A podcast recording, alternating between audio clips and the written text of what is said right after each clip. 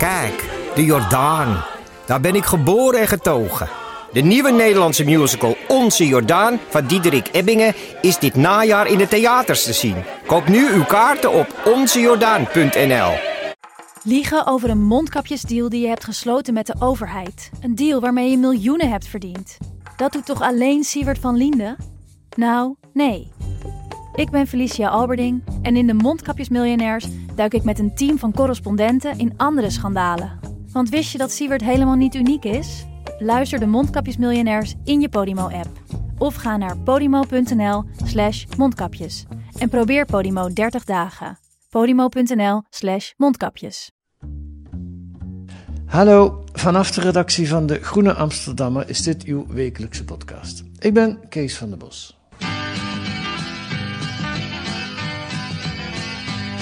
Er liggen rondom op het veld verspreid, bij Heiken en bij Hogersmilde. Een massa stenen waar geen zinnig mensen krachten aan verspilde. Zo zit er dieper in het keileem, tussen Eemster en Ravenswoud. Een lading keien in de grond, van honderdduizend jaren oud. Ik heb het al gezegd, geen mens die met die steenwoestijn iets aanving. Eén man alleen was gek genoeg. Die man zijn naam was Tjerk Vermaning. Wat ging er nu door u heen op het moment dat u die geweldige vondst deed? Ja, meneer, die vondst die had ik hier uh, deed, dat is niet te beschrijven. Voor eerst was deze cultuur in Noord-Europa nog nooit ontdekt. En ten tweede was dit voor de wetenschap van Nederland een geweldige vondst. Dus het is te beschrijven dat mijn hart bijna stil stond toen ik deze cultuur hier ontdekte. Tjerk Vermaning hoorde u in een fragment uit de documentaire over de affaire Tjerk Vermaning van de toenmalige NPS. En een affaire, nou dat was het zeker. In 1965 deed Vermaning zijn opmerkelijke vondst in Hogersmilde, in Drenthe, op het land van Boervos. En daarmee werd de geschiedenis van Nederland ineens 40.000 jaar langer. Er bleken hier mammoetjagers geleefd te hebben in het stenen tijdperk. En de pers die hing aan Vermaningslippen. En Vermaning zelf, die genoot. Hij was de enige die toen al wist dat de vondst grotendeels, misschien wel helemaal, uit vervalsingen bestond. Want later bleek dat Vermaning een oplichter was. Maar dat zou nog vele jaren duren. Dit jaar verscheen er een nieuw boek over deze zaak, na 25 jaar studie. Valsheid in gesteente. Geschreven door Frans de Vries en nog een aantal andere wetenschappers. En Roos van der Lind sprak met de auteurs en dook nog eens in de archieven. Ze reconstrueerde het verhaal van Tjerk Vermaning en daaruit bleek dat we nog steeds niet alles weten. Dag Roos, welkom in de podcast. Dag Kees. Je hebt die steen ook echt in je handen gehad, hè? Ja, dat klopt. Ja, ja dat was heel bijzonder. Wa ja. waar, waar, doe je dat? Uh, dat deed ik in Nuis, uh, in Groningen, in het Noordelijk Archeologisch Depot. Uh, daar had ik afgesproken met drie van de onderzoekers, van ja. de archeologen en de auteurs van Valsheid in Geschriften. Dat waren Frans de Vries, Lammer Posma en Marcel Niekes. Uh, en ik heb ze daar ontmoet en uh, bij ons aan tafel stond een uh, grote doos met daarin de opgravingen van Tjerk Vermaning. dat waren niet de allereerste opgravingen die hij deed in 1965, maar ik geloof dat deze twee jaar later bij het Drentse Heiken zijn opgegraven. Oh ja. Oh ja. ja. En waren dat, zaten daar echte stenen tussen? Nee, nee, nee. Niet, niet die uit die doos kwamen in elk geval. Dat nee, waren allemaal nee. vervalsingen. Klopt, klopt. Uh, de archeologen hadden ook wel echte stenen meegenomen. Dus ik had in mijn ene hand een echte steen en in de andere hand had ik een steen van vermaning. Uh, uh, en de archeologen gingen dan zeggen waar je naar kon kijken. En als je het mij had gevraagd, had ik gedacht dat de echte steen vals was. Want die, die glom ontzettend. Het had een enorme glans over, alsof die echt net vers gelakt was. Maar nee, het was dat is echt. J jou had Tjerk Vermaning ook wel. Oh, weten. zeker weten, ja. Laten we nog een stukje luisteren naar die documentaire, want dan horen we Tjerk Vermaning zelf ook nog een keer. Luister. Ik had dit onderzoek ter hand genomen en ik had me dus zelf voorgenomen om dit ook tot een goed einde te brengen. Ik zou en ik moest aantonen dat deze mensen hier waren geweest. Deze stenen zullen binnenkort ook in het Provinciaal Museum van Drenthe te zien zijn. Na een diepgaand wetenschappelijk onderzoek is begin deze week komen vast te staan dat het hier gaat om de oudste concentratie prehistorische vondsten ooit in ons land aangetroffen. Door deze vondst is men tot de verrassende ontdekking gekomen dat ons land al ongeveer 50.000 jaar geleden werd bewoond door de Neandertaler mens, die hiermee mammoeten, rendieren en wolhaarige neushoorns slachtte. Kortom te gaan, deze concentraties waren dus zeer uniek en nog nooit in Nederland gevonden. En ik mocht mij dan ook terecht op de borst slaan om te zeggen dat ik de vinder was en de ontdekker van het alleroudste bewoningsplaatsen van Nederland. Tot zover een trotse Tjerk Nou. Ja, het was ook nogal wat, wat hij daarmee bewees. Hè? Beschrijf dat eens. Wat, wat, is, wat was de essentie van zijn vondst? De essentie van zijn vondst is um, dat er al wel uh, in deze jaren enkele losse stukken uit de Neandertaler-tijd, um, het Paleolithicum, gevonden waren. Dus er was bijvoorbeeld de vuistbel van Wijnje-Terp, dat is een, een, bekende vuistbel.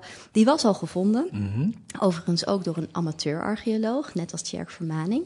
Uh, en, en, en Vermaning had die vuistbel ook gezien in een museum. En die was daar helemaal door gefascineerd. Uh, en hij wilde zelf ook zoiets vinden, zoiets bijzonders. Uh, maar hij vond wel iets heel bijzonders, want hij vond het eerste, de eerste concentratie uh, van, van dit soort artefacten. en, en, dus eigenlijk het eerste mammoetjagerskampement. Uh, uh, in Drenthe. En daarmee kon hij dus bewijzen, of bewees hij op dat moment, uh, dat die Neandertalers daar echt hadden gebivakkeerd. Dus dat ze daar niet alleen hadden rondgelopen op de toendra, maar ook echt nou, hun kamp hadden opgeslagen. Dus dat ja. was, dat was heel, heel bijzonder. En, en de figuur Tjerk Vermaning zelf droeg daar natuurlijk ook wel heel erg aan bij. Want, dat wou ik net zeggen. Ja. Het is nogal wat. Het is, het, is, het is ook een mooi sprookje. Hij was. Um, uh, scharen sliep. En, uh, grasmachine. Hij, maar, ja, ja, hij sne, ja, hij sleepte ja. de messen van, uh, van grasmaaimachines inderdaad. Ja. Um, en hij woonde in een kleine, kleine woonboot samen met zijn vrouw en zijn kinderen. Uh, en en ja, ze hadden het niet breed. Hij had alleen een brommer. Hij had allerlei handeltjes en, en probeerde zo zijn kostje bij elkaar te krijgen. Um, maar toen, toen hij dit vond, of claimde te hebben uh, gevonden. Uh, toen was hij in één keer uh, ontzettend bekend en, en populair. Nou, we hebben hem net gehoord. Ja. ja, mensen hingen aan zijn lippen natuurlijk. de pers kon er ook geen genoeg van krijgen. Hè? Nee, Zowel nee. De, de enormiteit van de vondst was natuurlijk fantastisch. Maar Ja. ook precies Ja. wat jij zegt, die, die figuur van zo'n gewone man die daar ineens iets, iets fantastisch vindt. Ja, en hij nam journalisten ook mee op zoek. En dan vond hij ook wat. Hè. Hij haalde gewoon iets uit de grond waar de journalisten bij stonden. er zijn geweldige beelden van journalisten die daar met opschrijfboekjes uh, naast staan. Uh, dus hij wist de pers uh, ontzettend op zijn hand te krijgen. En, en dat is ook eigenlijk altijd zo gebleven, wonderlijk genoeg. Ja, Ja. ja. Pas in 2007 lees ik in jouw verhaal is die, en dat is dus uh, uh, vijf, 65, 35, 30 jaar later, ruim 30 jaar Ja, later, ja.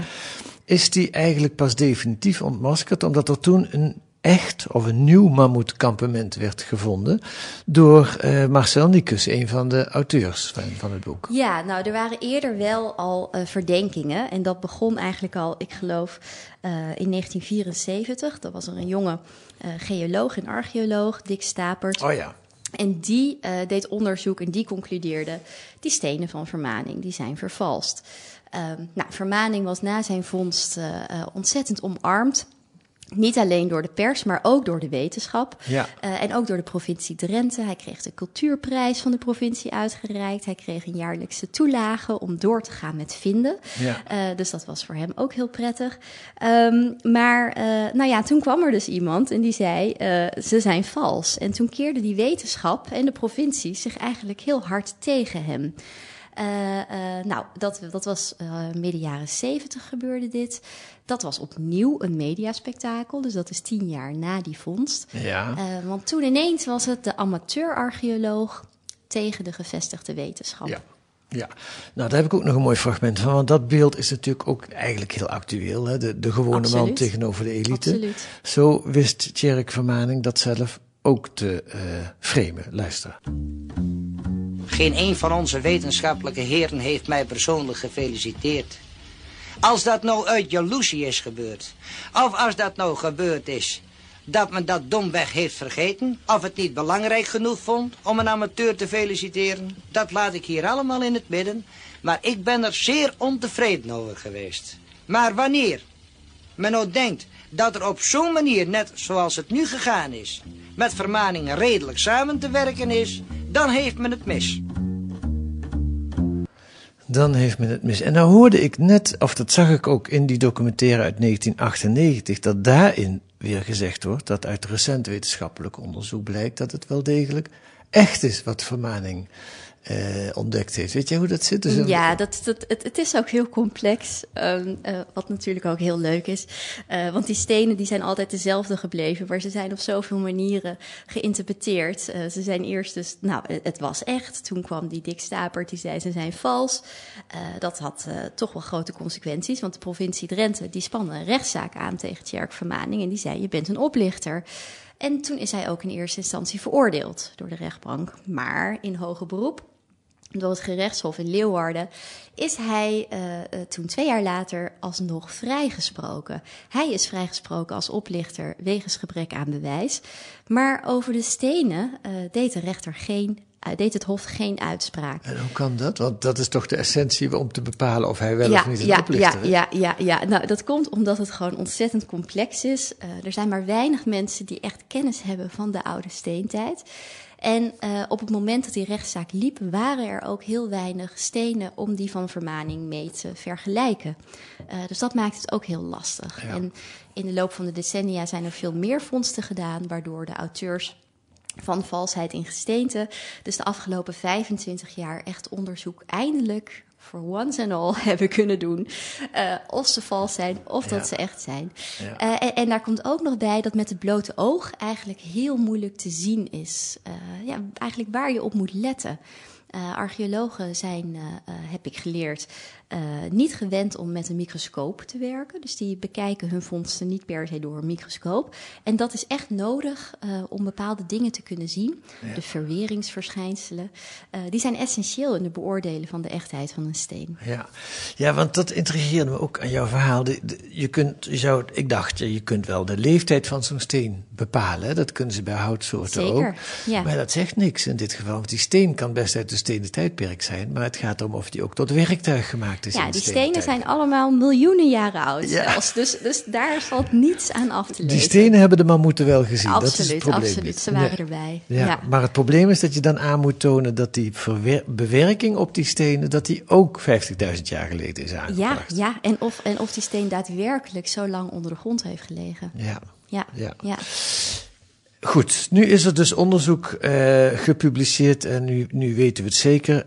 Van Vermaning is echt alles vals? Of is er, heeft hij, ik geloof dat hij ook wel sommige echte dingen gevonden heeft. Hij heeft ook echte dingen gevonden. Ja, dat, dat maakt, het, ook weer heel complex ja. en, en, en ook fascinerend. Hè? Want, want je bent dus echt op zoek naar stenen en ondertussen vervals je ze ook. Ja, uh, uh, ja nou, psychologisch gezien ook heel interessant. Ja, ja, ja. En, dat vond ik ook wel intrigerend, er is in dat onderzoek een nieuwe verdachte opgedoken. Klopt, klopt. En die verdachte, nou, voordat we over gaan praten, wil ik hem eerst laten horen. Dat is uh, meneer Wouters, Ad Wouters. En, en een felle aanhanger van Tjerk Vermaning, maar dat kunnen we achteraf ook wel goed begrijpen. En, en over Vermaning zegt hij dit.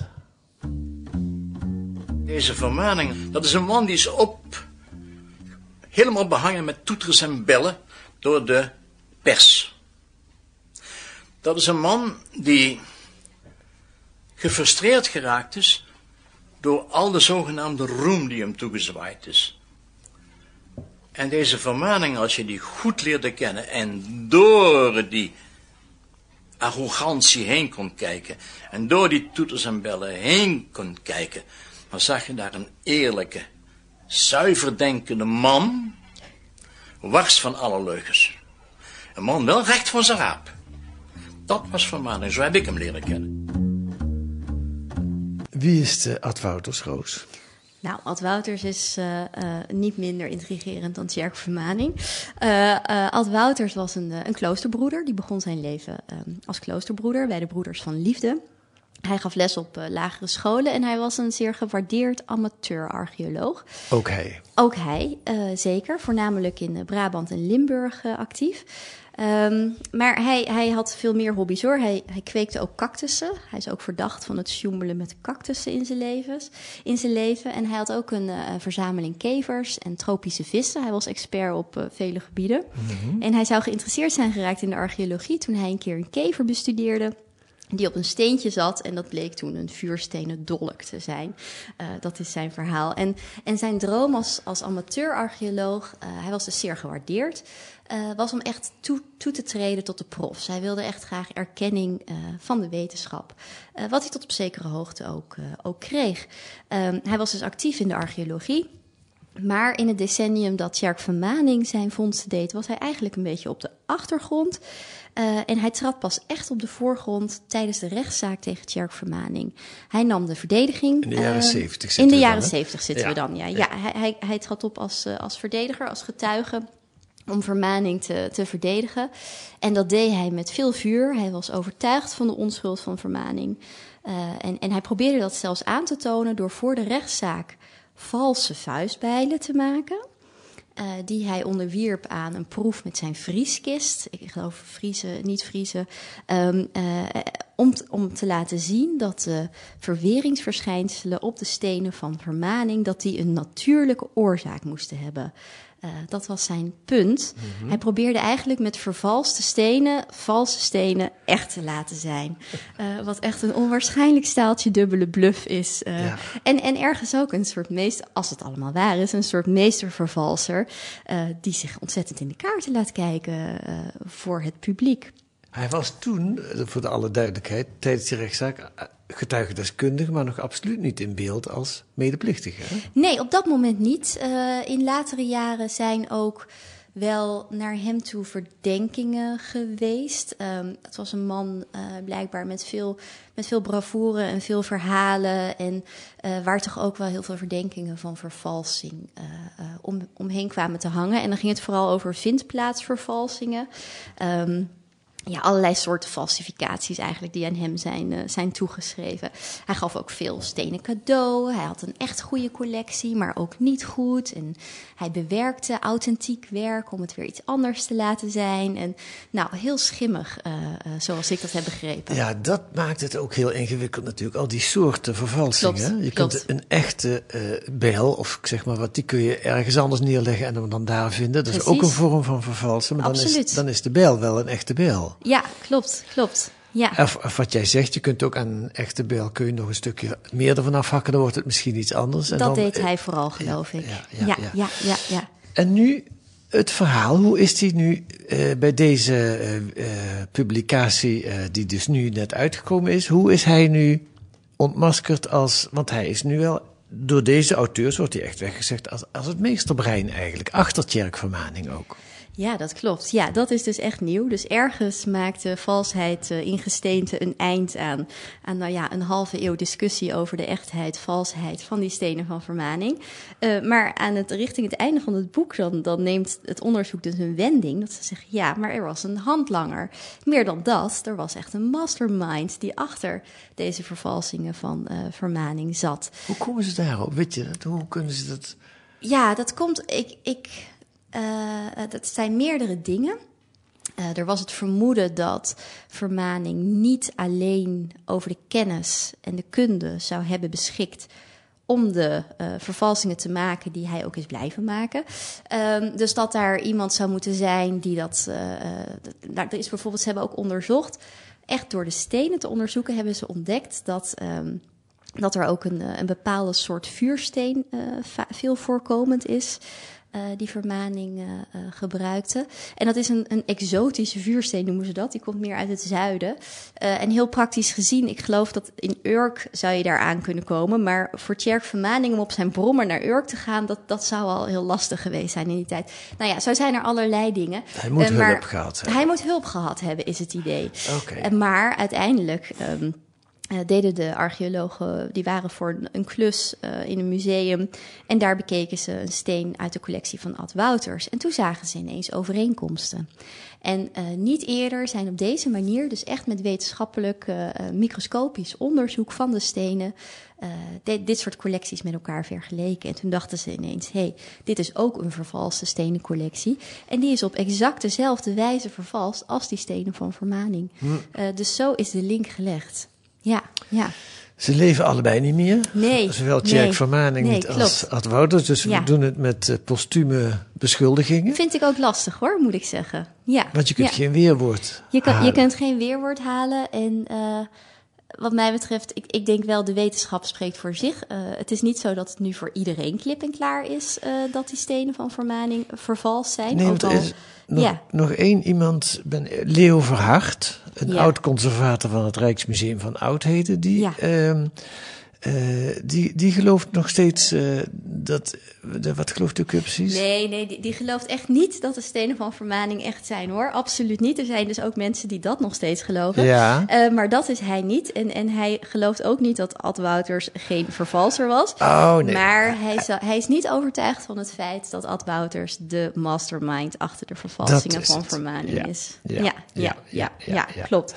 Ja, Ehm, en wat die Leo Verhaart ook zei, dat vind ik wel, vond ik al een hele mooie uitspraak. Eh, ondanks alles heeft die vervalsingszaak de Nederlandse archeologie ook veel goeds gebracht. ja, blijkbaar. Ja, ja, ja, ja, ja. Namelijk, Ja, dat, dat, er, dat er heel veel onderzoek is gedaan en dat wij internationaal op de kaart staan eh, wat dat betreft. Als het gaat over onze, onze oude steentijd. Ja. Ja, ja, ja, ja. en het blijft maar leven. Je hebt dit jaar een toneelstuk, een roman en een tentoonstelling. Ja, de afgelopen jaren. Ja. Ja, zeker. En Ja. er zijn dus liedjes, zoals we gehoord hebben. Ja, ja, ja. ja. ja. we hebben nog geprobeerd te achterhalen van wie dat liedje was, maar dat kan ik niet te achterhalen. Maar het is wel Ja. uit die documentaire van de NPS, daar, daar wordt hij ook in gebruikt. ja, ja, ja. En ja. dan zitten we nog met eh, de danser van Walsum en de danseres van Geldrop. Wat is Oh, daarmee? we zitten nog met heel veel, vrees ik. Ja, als ik de archeologen eh, moet geloven, eh, de onderzoekers van de valsheid in gesteente, ja, die roepen aan het eind van hun boek op tot, tot een grote schoonmaak in de archeologie, als het aankomt op de oude steentijd. Ehm, eh, eh, en inderdaad, de danser van Wansum, de dan- danseres van Geldrop, zeg ik het goed? Ja. Ja. Die, eh, dat, dat zijn ook voorbeelden die zij verdacht vinden. Vertel, Ehm, waarom? Ja, dat, dat, dat, eh, eh, dat, dat moeten mensen vooral in hun boek lezen, zou ik zeggen. Ja, ik- maar dat zijn stenen waar, eh, nou, dat, dat heet dan kunst in de oude steentijd. Hè? Dus dat zijn stenen die decoratief, die mooi zijn bewerkt. Ja. Daar hebben we er niet zoveel van. Maar degene die we hebben, die komen wel een beetje uit de hoek van Ad Wouters. En zijn verdacht, zijn nog niet geheel eh, niet controversieel. Maar ze gelden toch nog als echt, deze danser en danseres. Je moet wel heel goed kijken om er een danser en danseres in te zien, vind ik zelf. Maar goed. Ehm, Ja. eh, zij zeggen eh, voorbeelden uit het buitenland. Bijvoorbeeld, die, eh, eh, die, zijn, eh, ehm, die zien er gewoon heel anders uit. Die Nederlandse eh, danser en danseres, die zijn gezwollen, ik, eh, ge- gevonden, ik geloof bij Zwolle Ja. eh, en bij Roermond. En die dragen een lendendoekje. Die zijn heel kuis. Eh, en, en dat zijn ze in het buitenland helemaal niet. Dus dat, dat is verdacht. Ik denk niet dat dat het enige zal zijn. Eh, maar zo zijn er meer dingen. Eh, het, het museum, het Museum Omniversum, heeft een grote collectie van Ad Wouters. Ehm, want al deze collecties legden de amateurarcheologen ook geen windeieren. Want hij heeft daar een hoop geld voor gekregen toen hij zijn collectie begin jaren negentig verkocht. Voor een deel aan dat museum. Het heette toen nog het museum. Ehm, en eh, ja, ook, ook daar bevinden zich eh, stukken eh, die, die sowieso vals zijn. En, en misschien zijn er wel heel veel vals. Dat is nog de vraag. De drie archeologen hebben daar een steekproef genomen onder 30 eh, stenen. 30 stukken. Van- en- van Wouters. Van uit de collectie Wouters. Ja. En daarvan blijkt dan een kwart sowieso vervalst. Ja. Ehm, maar ja, er liggen daar ook topstukken, zoals de Lingby-bijlen. Eh, dat zijn ook prachtig gedecoreerde stukken. Nou ja, waarvan ze, de onderzoekers in mijn stuk zeggen, eh, die zijn waarschijnlijk ook vals. Maar goed, Ja. dat, eh, Ja. ja. Ja. En dat is dus blijkbaar echt, een, ondanks dat zij al 25 jaar met de zaak bezig zijn, dat is zo'n grote klus dat eigenlijk het hele onderzoek naar de hele collectie van Wouters bijvoorbeeld grotendeels nog moet gebeuren. Het moet nog gebeuren en de vraag is of het gebeurt en, en wie dat dan gaat doen. Ja. Ik denk vooral wie het initiatief, gaat nemen. Ehm, het Dagblad van het Noorden die deed een, eh, die heeft een rondje gebeld eh, met instellingen. En ook onder meer met de Rijksdienst voor het Cultureel Erfgoed. Of zij daar niet het voortouw in zouden moeten nemen. Hoe zij daar naar kijken, naar die oproep tot een grote schoonmaak. En die zeggen eigenlijk nou dat ze ook wel vertrouwen dat, dat het niet hun taak is, primair. En dat ze ook wel vertrouwen in het zelfreinigend vermogen van de wetenschap. Um, ja, dus de, de meningen verschillen hierover. En uh, het is niet zo. Het museum is ook niet. Een museum Omniversum is ook niet voornemens om hier iets mee, uh, mee te gaan doen. Uh, die zijn als museum ook veranderd. De collectie speelt niet zo'n grote rol meer. Ze hebben de kennis niet in huis. Het is, het is heel lastig, heel complex. Ja. En dat geeft ruimte voor fascinerende verhalen. Heel erg, ja, ja zeker. En, en wat, helemaal tot slot misschien, wat, wat me ook opviel, we zijn niet uniek in Nederland. Ook in Japan heb je een grote zaak met, ja. met fraude. Hè? ja, dat klopt, ja. ja. In Japan was ook een, een archeoloog uh, actief. Uh, zijn naam heb ik even niet uh, um, zijn echte naam heb ik even niet voorhanden, maar zijn bijnaam was Godshand. Uh, want hij deed uh, tientallen belangrijke opgravingen tussen 1972 en 2000. Dus ook een hele lange periode. Ja. Uh, Japanse archeologie. En dat bleek ook ja, hartstikke vals. en was een groot, grote rel in, in Japan. En en in Nederland hebben we ook zoiets als de haaientand van Swifterband. Dat is ook, ook een leuk ja, verhaal. Ja, wat is dat ook weer? Ja, het fijne weet ik er niet van. Maar het gaat om iemand die een haaientand uh, heeft vervalst. En, maar de reacties waren zo laaiend, enthousiast, zo laaiend enthousiast... dat hij niet meer durfde te zeggen dat het een grap was. maar oh, ja. na, naar de motieven, ik denk dat er veel verschillende motieven Ja, zijn. ja. Uh, maar uh, Maar goed, ook in blijft Japan. gissen. Ja, en ook in Japan hebben ze dus een, zeg maar, een tjerkvermaning. absoluut. Ja. Eh dankjewel, Roos, voor je verhaal en voor dit gesprek. Dankjewel. Roos van der Lind.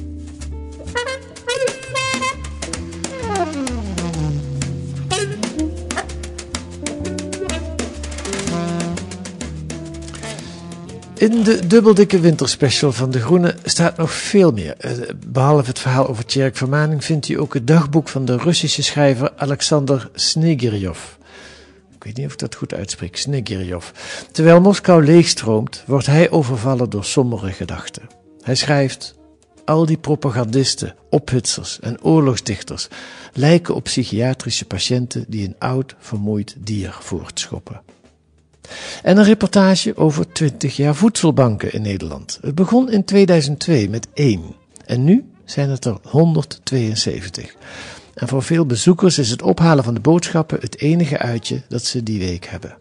Dat kunt u lezen met een abonnement of een proefabonnement. Ga dan naar groene.nl, daar wordt u dat uitgelegd. Wilt u reageren op deze podcast, kan dat ook via de mail podcast.groene.nl. En intussen kunt u ons ook sterren geven of een recensie op in uw podcast-app. Dan krijgen we nog meer luisteraars. En volgende week zijn we er weer met uh, ontwikkelingen en achtergronden bij het nieuws in deze podcast van de Groene Amsterdammer. En deze week werd de podcast gemaakt door Merve Eusdemier en Kees van der Bos. De muziek is het Tune for N van Paul van Kemenade. Tot volgende week.